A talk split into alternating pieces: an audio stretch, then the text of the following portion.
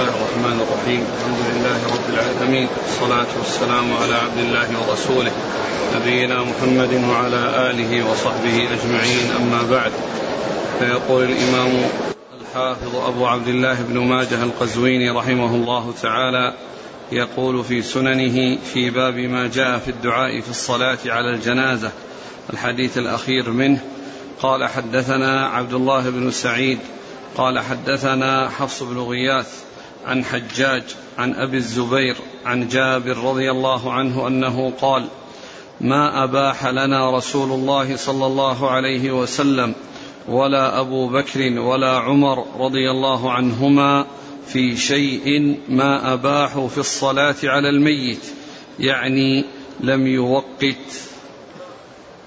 بسم الله الرحمن الرحيم الحمد لله رب العالمين وصلى الله وسلم وبارك على عبده ورسوله نبينا محمد وعلى آله وأصحابه أجمعين. أما بعد ففي الدرس الماضي آه، مر جملة من الأحاديث في الدعاء في الصلاة على الجنازة وآخرها حديث عوف بن مالك الأشجعي رضي الله عنه الذي أورده ابن ماجه من طريق فيه ضعف ولكنه ثابت بلفظ آخر قريب منه في صحيح مسلم وهو اللهم اغفر له وارحمه وعافه واعف عنه واكرم نزله واسع مدخله إلى آخر الحديث إلى آخر الدعاء. ثم ذكر هذا الحديث الذي فيه أن الرسول عليه الصلاة والسلام وأبو بكر وعمر ما كانوا يعني آه، ما أباحوا في شيء ما أباحوا في آه، دعاء على الميت أو الصلاة على الميت قال ألم يوقتوا؟ يعني أنهم ما حددوا دعاء أو أنه لم يحصل تحديد دعاء. وإنما يكون الأمر واسعا وأن الإنسان يدعو يعني بما شاء. والحديث ضعيف لأن في إسناده حجاج بن أرطاه وفيه أبو الزبير وهو مدلس و آه، آه، ومن المعلوم أن أنه جاء عن النبي عليه الصلاة والسلام أدعية ثابتة عنه عليه الصلاة والسلام في الدعاء في صلاة الجنازة فيؤخذ بما جاء عن النبي عليه الصلاة والسلام ولا يأتي الإنسان بما يشاء من الأدعية في الصلاة على الجنازة وإنما يأتي بما ورد وبما ثبتت به السنة عن رسول الله عليه الصلاة والسلام. ولا يترك ما ورد ثم يأتي بأشياء يختارها أو أشياء يجمعها أو يستحسنها فإن ذلك لا يصلح لأن كلام الرسول عليه الصلاة والسلام فيه العصمة وفيه السلامة وفيه النجاة وبخلاف كلام غيره فإنه يقع فيه الخطأ ويقع فيه عدم الصواب فالإنسان ليس له أن آه، يترك ما ورد ويشتغل بشيء لم يرد وإنما يعرف ويتعلم ما ورد ومن لم يكن عنده علم بما ورد وبأن يكون عاميا ما يعني حفظ شيء من الدعاء الوارد فيمكنه أن يدعو له بالمغفرة والرحمة لكن عليه أن يتعلم الدعاء الوارد في ذلك حتى يأتي به وحتى يأتي بالشيء الذي جاءت به السنة عن رسول الله عليه الصلاة والسلام. والحديث هذا ضعيف وقد جاءت الأحاديث الصحيحة في ثبوت أدعية عن رسول الله عليه الصلاة والسلام. مر جملة منها في كلام المصنف رحمه الله.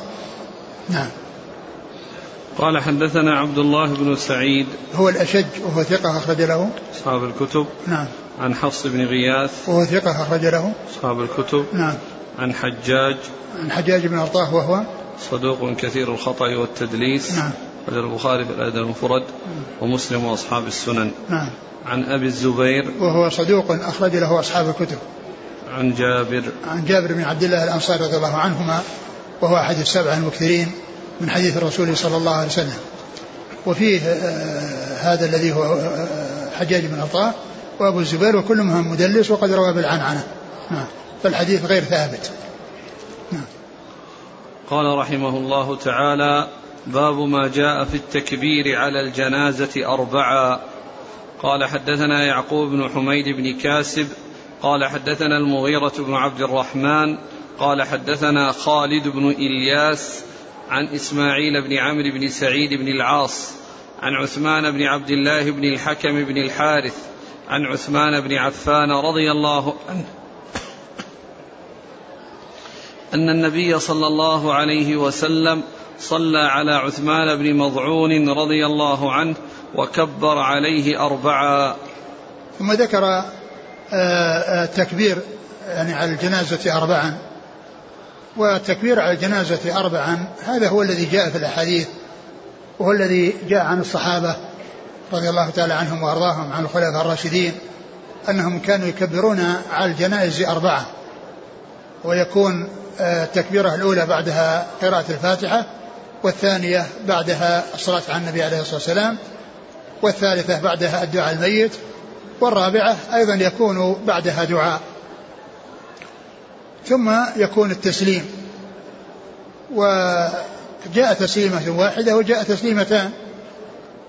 والمأموم يتابع الإمام إذا سلم تسليمة واحدة سلم واحدة وإن سلم اثنتين يسلم اثنتين.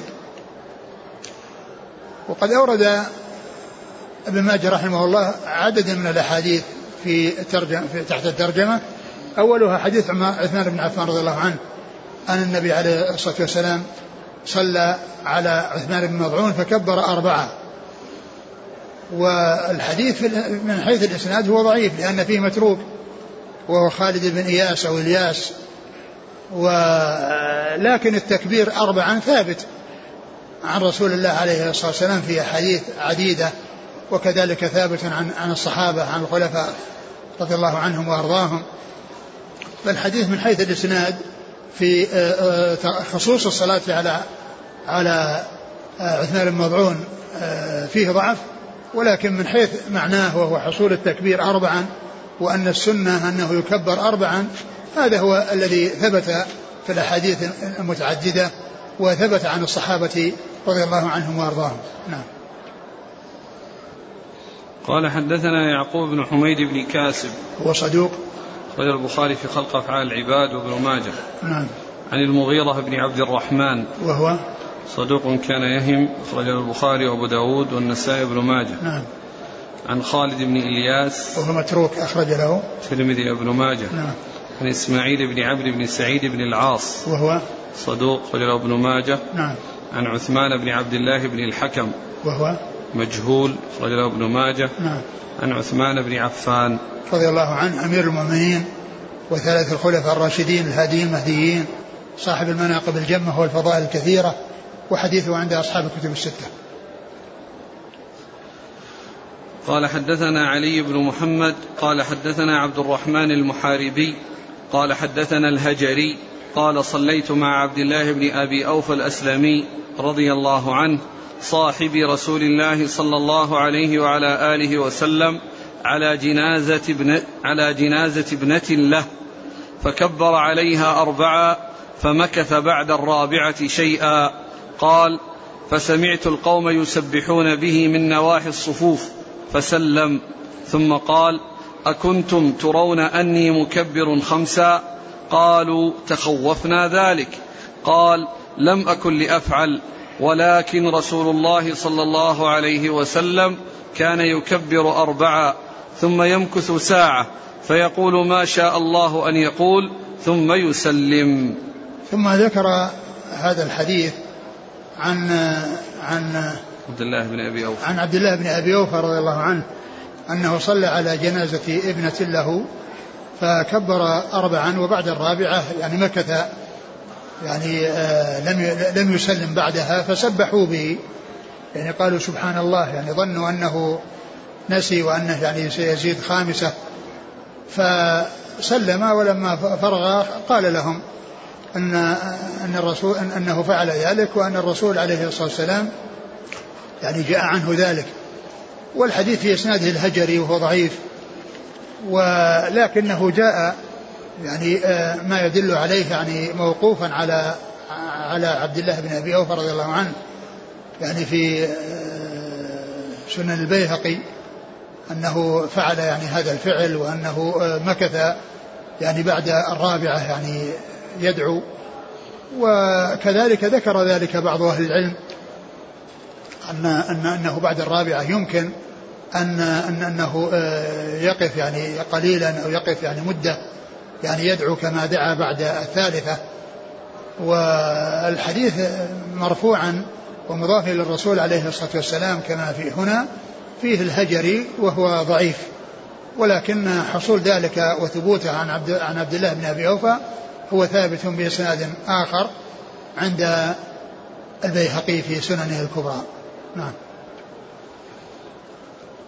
والنووي في رياض الصالحين ذكر يعني التكبيرات الأربعة وأنه بعد الأولى يقول كذا وبعد الثانية يقول كذا الثالثة كذا وبعد الرابعة يدعو الميت وهذا أن هذا هو المختار والذي جاء في بعض الأحاديث أو بعض النصوص الحديث ما يدل عليه فيعني إذا فعل وقد حصل جاء ما يدل عليه كما ثبت عن عبد الله بن أبي بن أبي أوفى رضي الله عنه. نعم.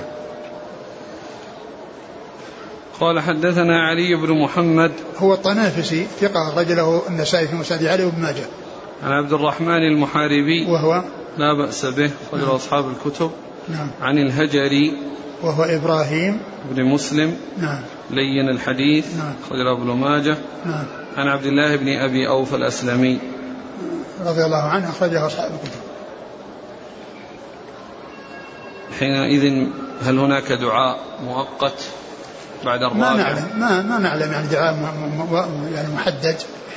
يعني النووي قال إنه يعني يناسب إنه قال اللهم لا تحرمنا بعده ولا اللهم لا تحرمنا أجره ولا تفتنا بعده. وأنا ما أعرف يعني دليل لكن يدعى يعني بعد الثالثة وبعد الرابعة. قال حدثنا أبو هشام الرفاعي ومحمد بن الصباح وأبو بكر بن خلاد قالوا حدثنا يحيى بن اليمان عن المنهال بن خليفة عن حجاج عن عطاء عن ابن عباس رضي الله عنهما أن النبي صلى الله عليه وسلم كبر أربعا. ثم ذكر هذا الحديث عن ابن عباس قال أن النبي كبر اربعا أن النبي صلى الله عليه وسلم كبر أربعة. كبر أربعة يعني في صلاة الجنازة.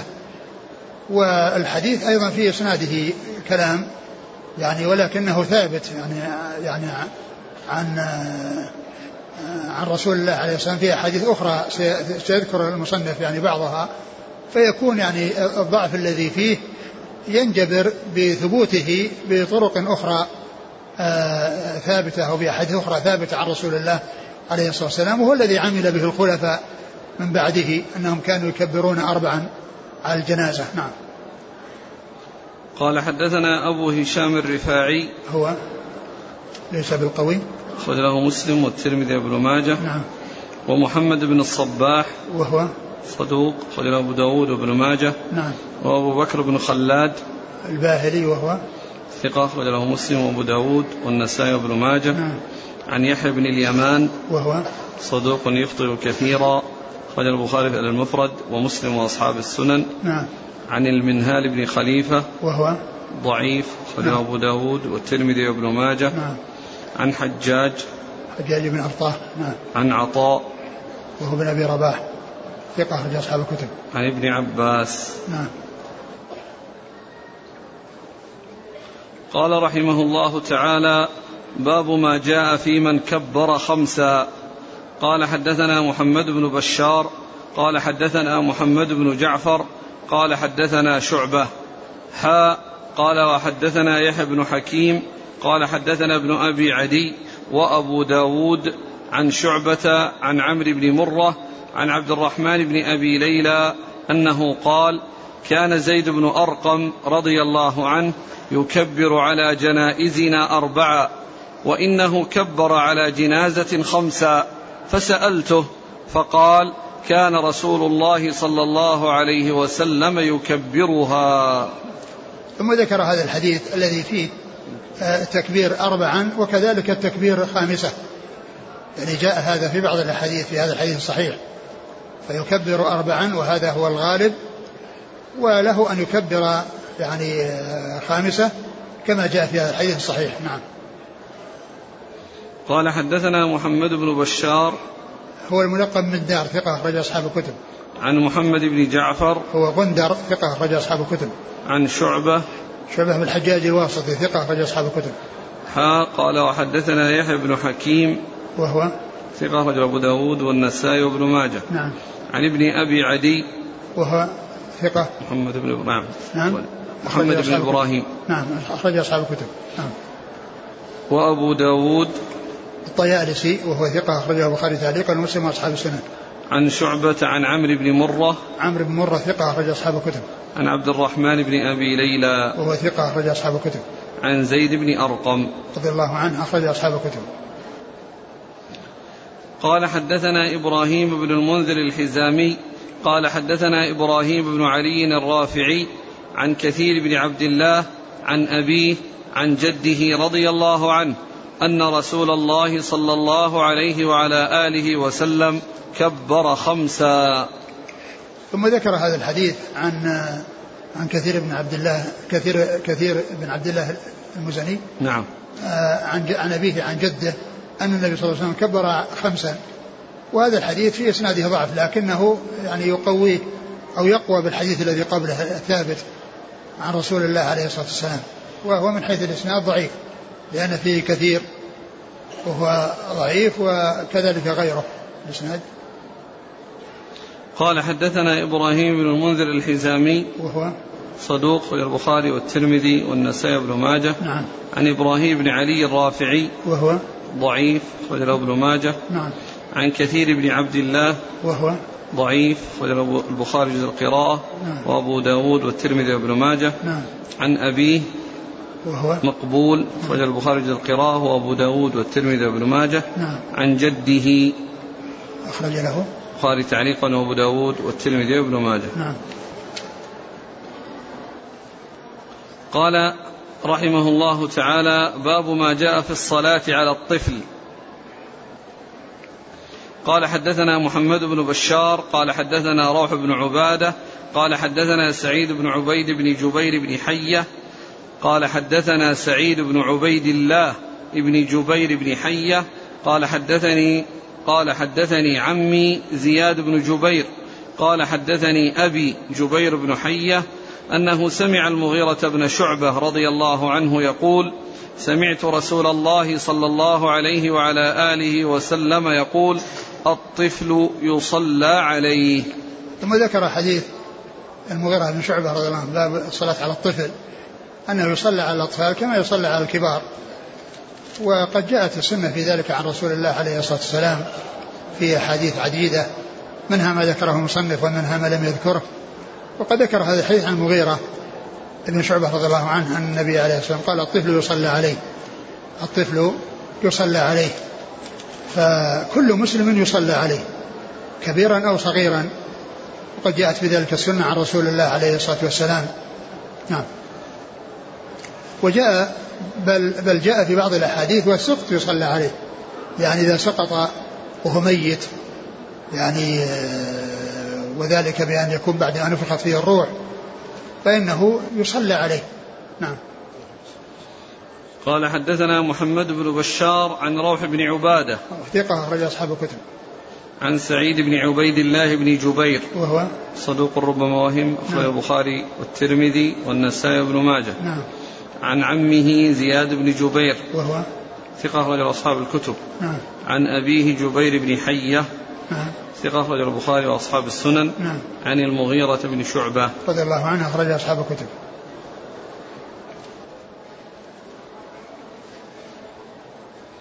قال حدثنا هشام بن عمار قال حدثنا الربيع بن بدر قال حدثنا أبو الزبير عن جابر بن عبد الله رضي الله عنهما أنه قال قال رسول الله صلى الله عليه وسلم إذا استهل الصبي صلي عليه وورث.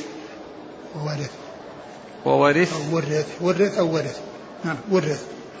ثم ذكر هذا الحديث إذا استهل الصبي صلي عليه وورث أو ورث. يعني أنه يكون آه، يعني الحمل عندما يستهل وعندما يولد حيا فإنه يرث. وهنا ذكر أنه يصلى عليه. وهذا الإسناد فيه من هو متروك ومن هو ضعيف جدا ولكن آه، كون الطفل يصلى عليه جاء في حديث أخرى والحديث آه، فيه اضطراب وبعض أهل العلم صححه بدون ذكر الصلاة وأما الصلاة فإنها ثابتة سواء استهل أو لم يستهل يعني سواء ولد حيا أو ولد ميتا. لأنه يعني جاء ما يدل على أن السقط يصلى عليه والسقط هو الذي يسقط ميتا يعني لا يستهل يعني لا يصيح ولا يعطس ولا يتحرك فالسقط يصلى عليه. ولكن من حيث الميراث هو يكون خاص بمن ولد حيا أو حصل منه الاستهلال بأن ولد وهو حي فإنه يرث.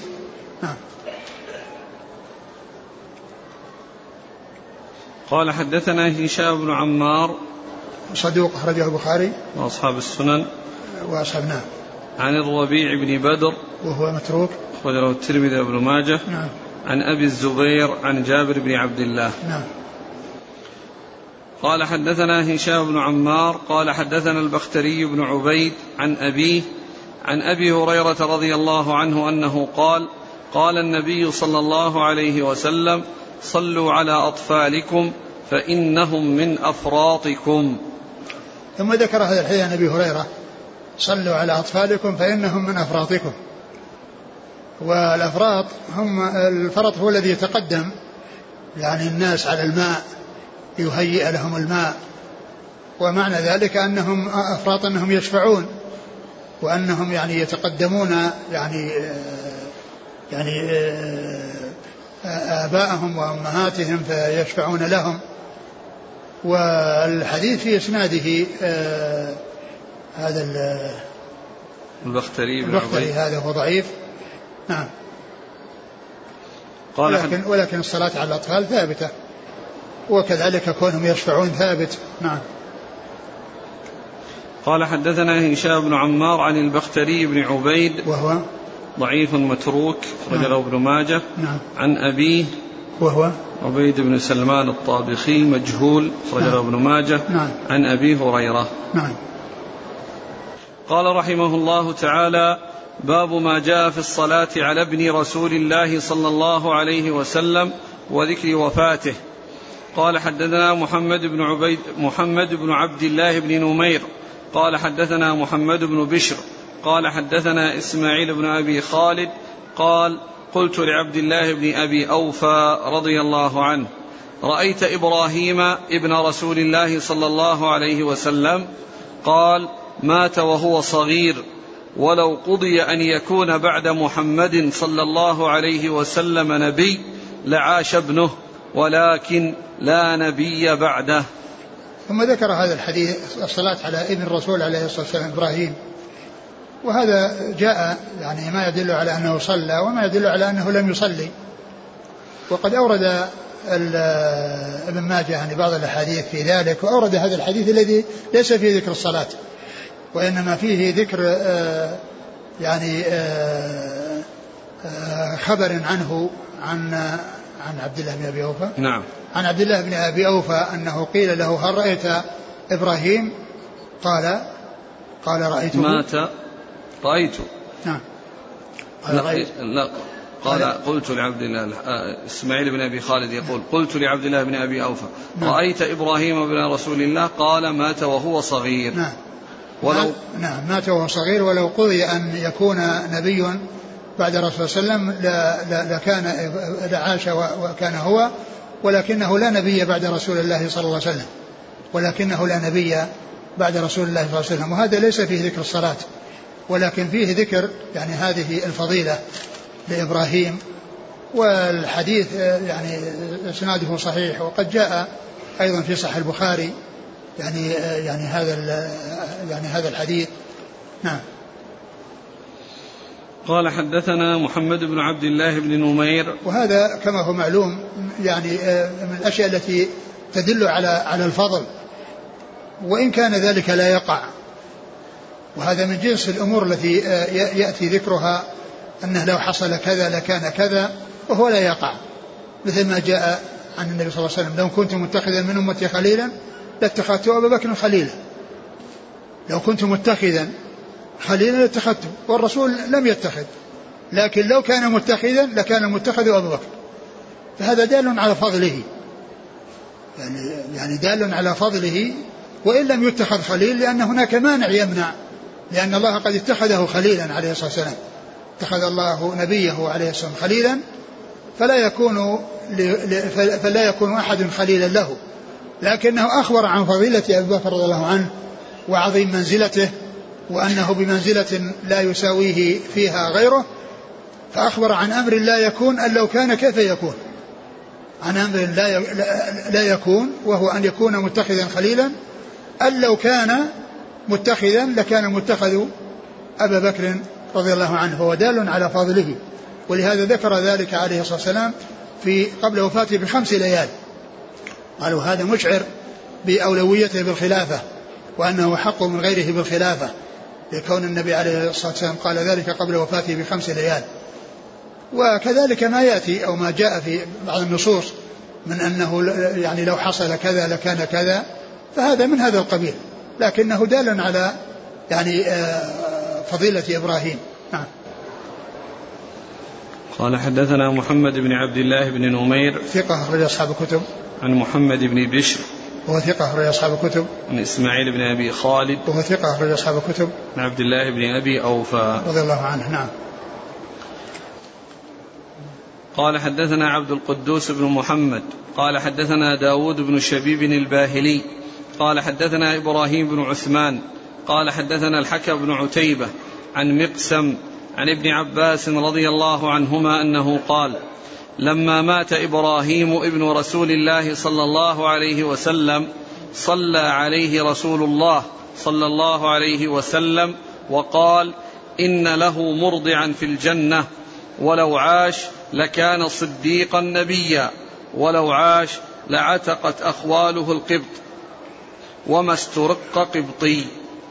ثم ذكر هذا الحديث عن عن ابن عباس. عن ابن عباس رضي الله عنه أن أن أنه لما مات إبراهيم بالنبي صلى الله عليه وقال لو عاش لكان إن له إن له مرضعا في الجنة. وقال لو عاش لكان صديقا نبيا. وقال إن, إن أنه آه، لو عاش ما ما ما, ما لعتقت لعتقت أخواله القبط. ولم يسرق قبطي أن له مرضعا في الجنة هذا جاء في صحيح البخاري. وكذلك يعني هذا الحديث هذا الذي قال إنه لو عاش لكان صديقا نبيا هو مثل الذي مر يعني عن عبد الله بن أبي أوفى وهو إخبار عن أمر آه، أمر لا يكون لو كان أنه لكان كذا ومثل هذا يعني كما هو معلوم لا يقال بالرأي. أقول لا يقال بالرأي وإنما يعني يكون عندهم بذلك علم عن رسول الله عليه الصلاة والسلام. وأما الجملة الأخيرة فإنه فإنها يعني جاءت من هذا الحديث من هذا الطريق الضعيف فهي غير ثابتة. وأما يعني آه، كونه صلى عليه جاء يعني ما يدل عليه وكونه لو عاش يعني جاء ما يدل عليه وكون له في الجنة هذا جاء في صحيح البخاري. والجملة الأخيرة جاءت في هذا الطريق الضعيف الذي فيه إبراهيم بن عثمان جد أبي بكر بن أبي شيبة الذي مر بنا بالأمس وهو متروك. نعم. قال حدثنا عبد القدوس بن محمد هو؟ صدوق البخاري والترمذي والنسائي بن ماجه. نعم. عن داود بن الشبيب الباهلي وهو صدوق في البخاري وابو داود بن ماجه. نعم. عن إبراهيم بن عثمان وهو متروك أخرج له الترمذي وابن ماجه. نعم. عن الحكم بن عتيبة. وهو ثقة أخرج أصحاب الكتب. عن مقسم. وهو صدوق, صدوق أخرج له البخاري تعليقا. البخاري وأصحاب السنة. البخاري وأصحاب السنة نعم. عن ابن عباس. نعم.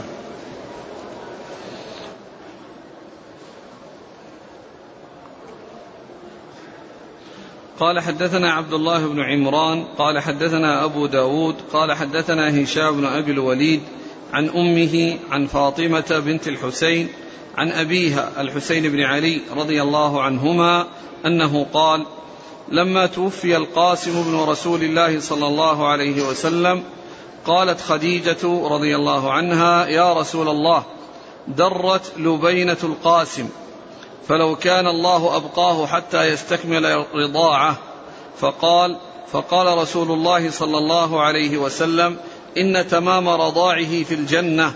قالت لو أعلم ذلك يا رسول الله لهون علي أمره. فقال رسول الله صلى الله عليه وسلم إن شئت دعوت الله تعالى فأسمعك, فأسمعك صوته. قالت يا رسول الله بل أصدق الله ورسوله. ثم ذكر هذا الحديث الذي فيه أن القاسم بن رسول الله عليه والسلام لما مات يعني در لبنها يعني لبن خديجة فقالت لو لو عاش لاستكمل رضاعة. فقال إن, إن أنه له مرضعا في الجنة وأنه يضع في الجنة ويستكمل رضاعة في الجنة. فقالت لو علمت ذلك لهون ذلك علي.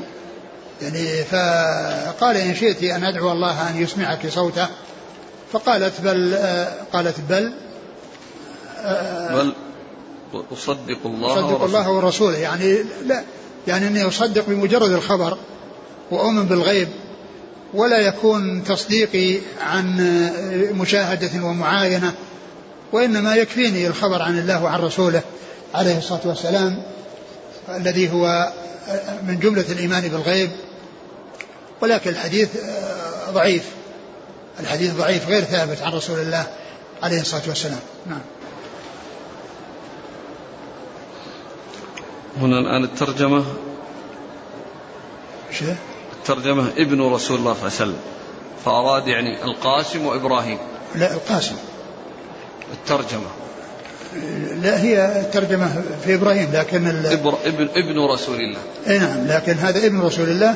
اللي هو القاسم الذي ابن خديجة وأما إبراهيم ابن ماريا. والترجمة نعم. كانت كانت لإبراهيم. نعم. الترجمة ما جاء في الصلاة على ابن رسول الله صلى الله عليه وسلم وذكر وفاته. آه ما ذكر ما ذكر إبراهيم. فالحديثين الأولين عن إبراهيم. نعم ولكن ما في ذكر إبراهيم في الأول. في الترجمة؟ الترجمة ليس في ذكر إبراهيم. لا. أي نعم. يعني فيكون فيكون داخل في الترجمة. نعم. قال حدثنا عبد الله بن عمران هو؟ صدوق رجل ابن ماجه. نعم. عن أبي داود. وهو الطيالسي ثقة رجل البخاري تعليقا ومسلم وأصحاب السنن. عن هشام بن أبي الوليد. وهو؟ متروك نعم. رجل الترمذي وابن ماجه. نعم. عن أمه. وهي؟ ما وجدت لها ترجمة. في المبهمات ما وجدت. نعم. عن فاطمة بنت الحسين. ثقة. ثقة أخرج لها. أبو داود والترمذي والنسائي في مسند علي وابن ماجه. نعم. عن أبيها الحسين بن علي. رضي الله عنه أخرج أصحاب الكتب.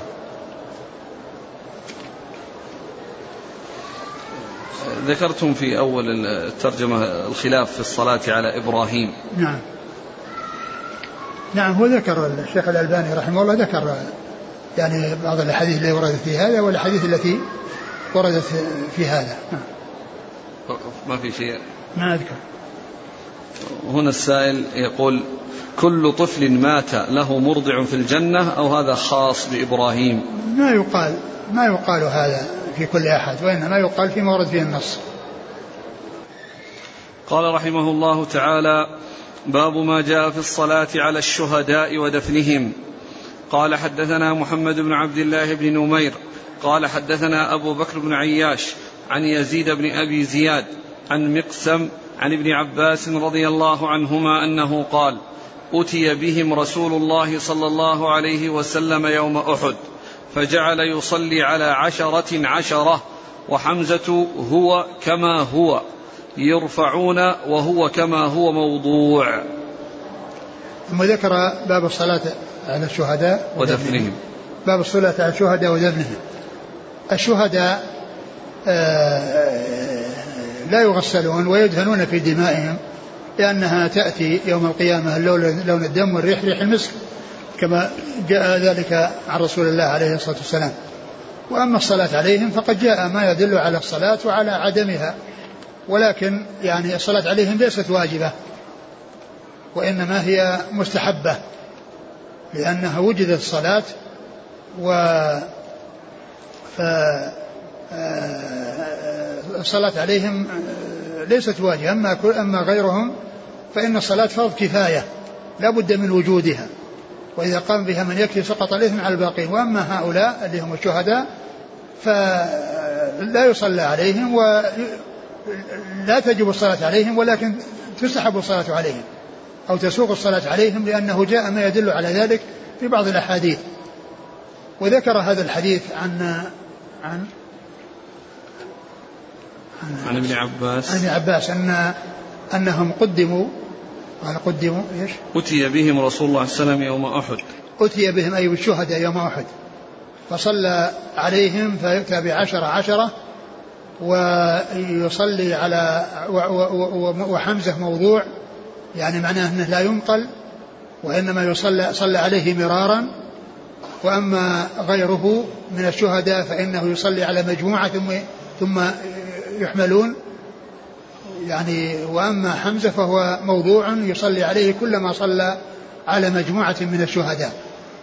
والحديث في إسناده ضعف ولكنه آه، من حيث أنه صلى على الشهداء وأن حمزة أنها تكرر الصلاة عليه وأن غيره لم تتكرر الصلاة عليه جاء في أحاديث أخرى.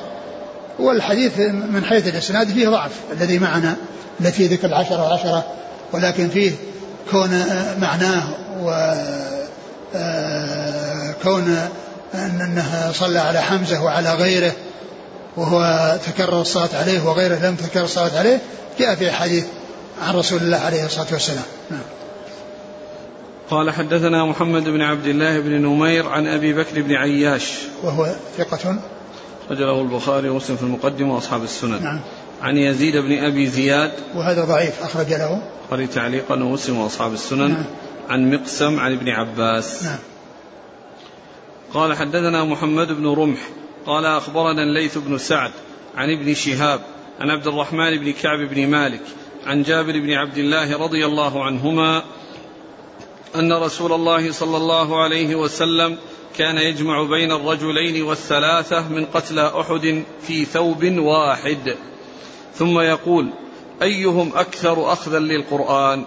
فإذا أشير له إلى أحدهم قدمه في اللحد وقال أنا شهيد على هؤلاء وأمر بدفنهم في دمائهم ولم يصل عليهم ولم يغسلوا. ثم ذكر هذا الحديث عن جابر. عن جابر بن عبد الله رضي الله عنه أن قال كان صلى الله عليه وسلم يجمع بين الرجلين والثلاثة من قتلى أحد في ثوب واحد. كان يجمع بين الرجلين والثلاثة في قتل أحد في ثوب واحد. يعني آه، أنهم, أنهم في قبر واحد يجمع بينهم في قبر واحد ويعني ومعلوم أنهم يدفنون في ثيابهم وأنهم يعني يعني لا يغسلون وإنما يدفنون في ثيابهم وفي دمائهم وهذا هو الذي فعله رسول الله عليه الصلاة والسلام.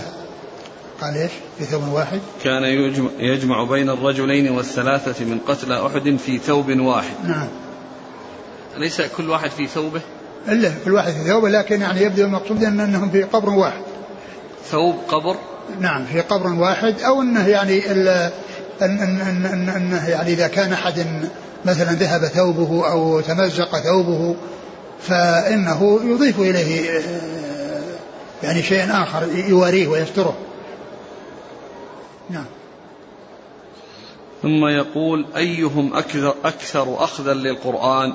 فإذا أشير له إلى أحدهم قدمه في اللحد. نعم وهذا يعني يبين أن أن أنهم عندما يدفنون جميعا في قبر واحد أنه يقدم إلى القبلة أكثرهم أخذا للقرآن. وهذا يدل على فضيلة القرآن وأهله وأن القرآن هم أئمة يعني في الحياة وبعد الموت. فإنهم هم الذين يقدمون في الصلاة يوم القوم يقرأهم لكتاب الله وعند الدفن أيضا يقدمون إلى جهة القبلة. يقدمون إلى جهة القبلة فيكونون بمثابة الأئمة بعد الموت كما كانوا أئمة في الحياة وهو دال على فضل آه، أهل القرآن. نعم. شوف وقال إيش كان في الشرح على الثوب؟ يقول قال المظهر في شرح المصابيح المراد بالثوب الواحد القبر الواحد. نعم. إذ لا يجوز تجريدهما بحيث تتلاقى بشرتهما. انتهى. ونقله ونقله غير واحد وأقروه عليه. لكن بالنظر في الحديث يرده. بقي أنه ما معنى ذلك والشهيد يدفن بثيابه التي كانت عليه. فكان هذا في من قطع ثوبه. ولم يبق على بدنه أو بقي منه قليل بكثرة الجروح. وعلى تقدير بقاء شيء من الثوب السابق فلا إشكال لكونه فاصلا عن ملاقاة البشرة. وأيضا قد اعتذر بعضهم عنه بالضرورة وقال بعضهم جمعهما في ثوب واحد هو أن يقطع الثوب الواحد بينهما. نعم. وإذا فإذا أشير له إلى أحدهم قدمه في اللحد وقال أنا شهيد على هؤلاء. نعم. وأمر بدفنهم في دمائهم ولم يصل عليهم ولم يغسلوا. يعني في يعني بدفنهم في دمائهم بمعنى أنهم يعني لا يغسلوا بحيث تذهب الدماء لأن هذه علامة على شهادتهم في سبيل الله. ولهذا جاء اللون لون الدم والريح يأتي يوم القيامة اللون لون الدم والريح ريح المسك. فيكون يعني هذه شهادة أو علامة على أنه آه، شهيد وأنه مقتول في سبيل الله. مش بعد قال وأمر بدفنهم في دمائهم ولم يصلي عليهم. يمكن لم يصلي عليهم يعني آه، كل واحد على حدة. يعني يجمع بين هذا أنه لم يصلي يعني حتى يوفق بين الأحاديث الأخرى أنه لم يصلي عليهم يعني على كل واحد منهم. وأما حمزة فإنه آه، حصل أنه صلى عليه. و يعني وأما غيرهم فإنه صلى عليهم جماعات. نعم. ولم يغسلوا. نعم. هذا بالنسبة لشهداء أحد أما ما عداهم من الشهداء. حكمهم حكمهم. الحكم واحد. لا فعله صلى الله عليه وسلم. نعم بس إنه يدل على لأنه جاء فعل الحديث أن الشهيد يأتي يوم القيامة. يعني آه، وجرحه يثقب دما. من حيث الصلاة. نعم. من حيث الصلاة. نعم هو من حيث الصلاة. يعني بعض بعض أهل العلم قالوا أنه لا تجب الصلاة عليهم. لا تجب الصلاة عليهم. لو صلوا بدون لو دفنوا بدون صلاة فإنه آه، يصح. ما يقال أنهم ترك أمر واجب بالنسبة لهم. ترك أمر واجب بالنسبة لهم. ولهذا الشهداء الذين آه، يعني جاء وصفهم بالشهادة آه، يختلف حكمهم عن شهداء المعركة. والنووي رحمه الله في رياض الصالحين عقد بابا فقال باب ذكر جماعة من الشهداء في ثواب الآخرة ويغسلون ويصلى عليه. باب ذكر جماعة من الشهداء في ثواب الآخرة يعني أنهم شهداء في ثواب الآخرة في الثواب. لا من حيث أنهم يعني حكمهم حكم الشهداء الذين لا يغسلون وأنه لا يصلى عليهم بل هؤلاء يغسلون ويصلى عليهم وتغسيلهم يعني واجب والصلاة عليهم واجبة. نعم.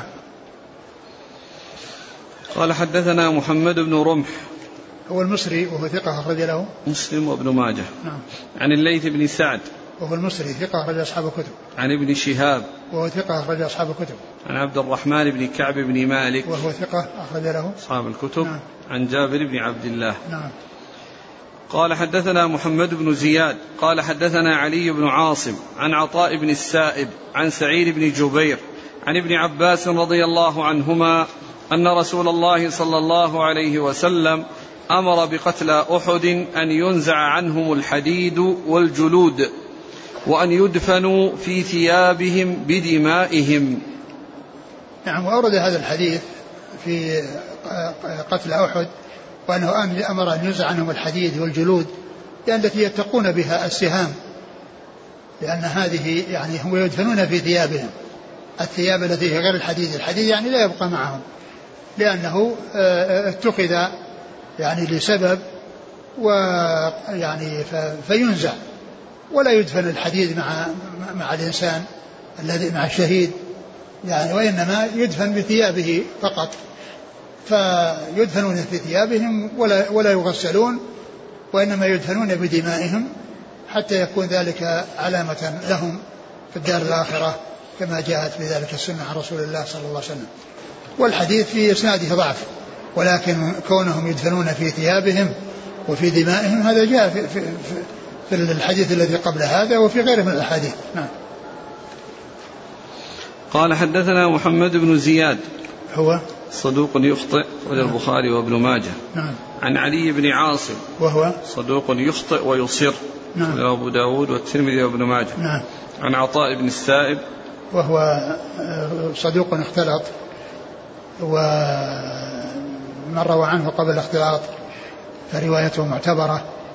وهذا الذي روى عنه يعني فيه كلام وأنه يخطئ ويصر على خطأه. وأيضا يعني ليس من الذين روى عنه قبل الاختلاط.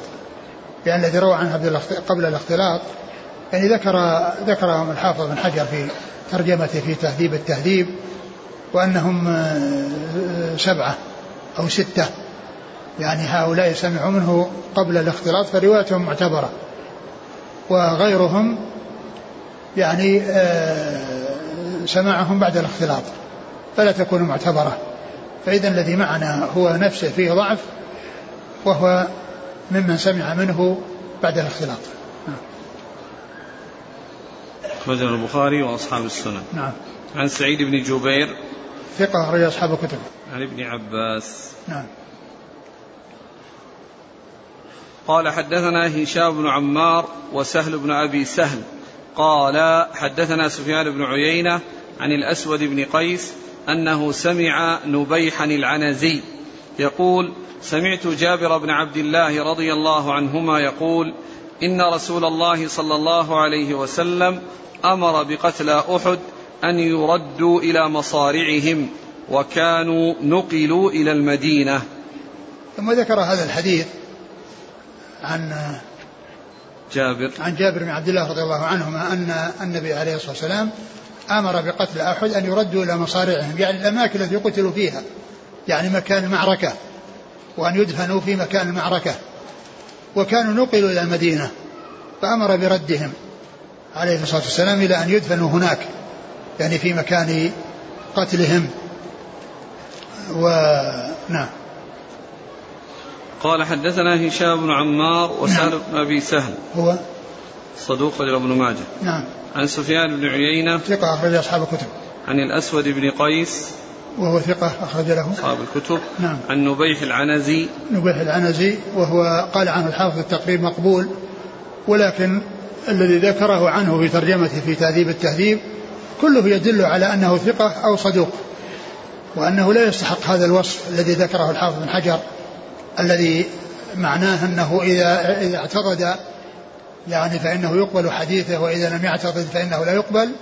لأن كل الأقوال التي ساقها عن العلماء في ترجمته في تهذيب التهذيب تدل على ثقته أو أنه صدوق يعني لا يقل حديثه عن الحسن ولا يعني الحسن لغيره ولا يحتاج إلى أن يعضده أحد أو يعني تعتضد روايته برواية غيره.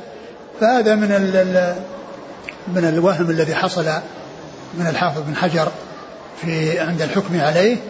لأنه هو نفسه في تهذيب التهذيب. كل الأقوال التي ذكرت عن ذكرها عنه في كلام أهل العلم تدل على ثقته وعلى الأقل أنه صدوق يقبل حديثه ويكون حسنا لغيره. نعم. أخرج له. أصحاب السنن. نعم. عن جابر. لا في ضمن الكلام قلتم صدوق وأن حديثه حسن لغيره؟ وين؟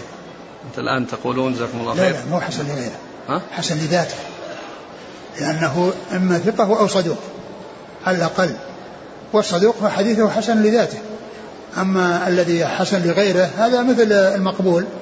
لأن المقبول إذا جاء شيء يعضده انتقل من كونه متوقفا فيه إلى كونه آه، مقبولا ويكون حسنا لغيره.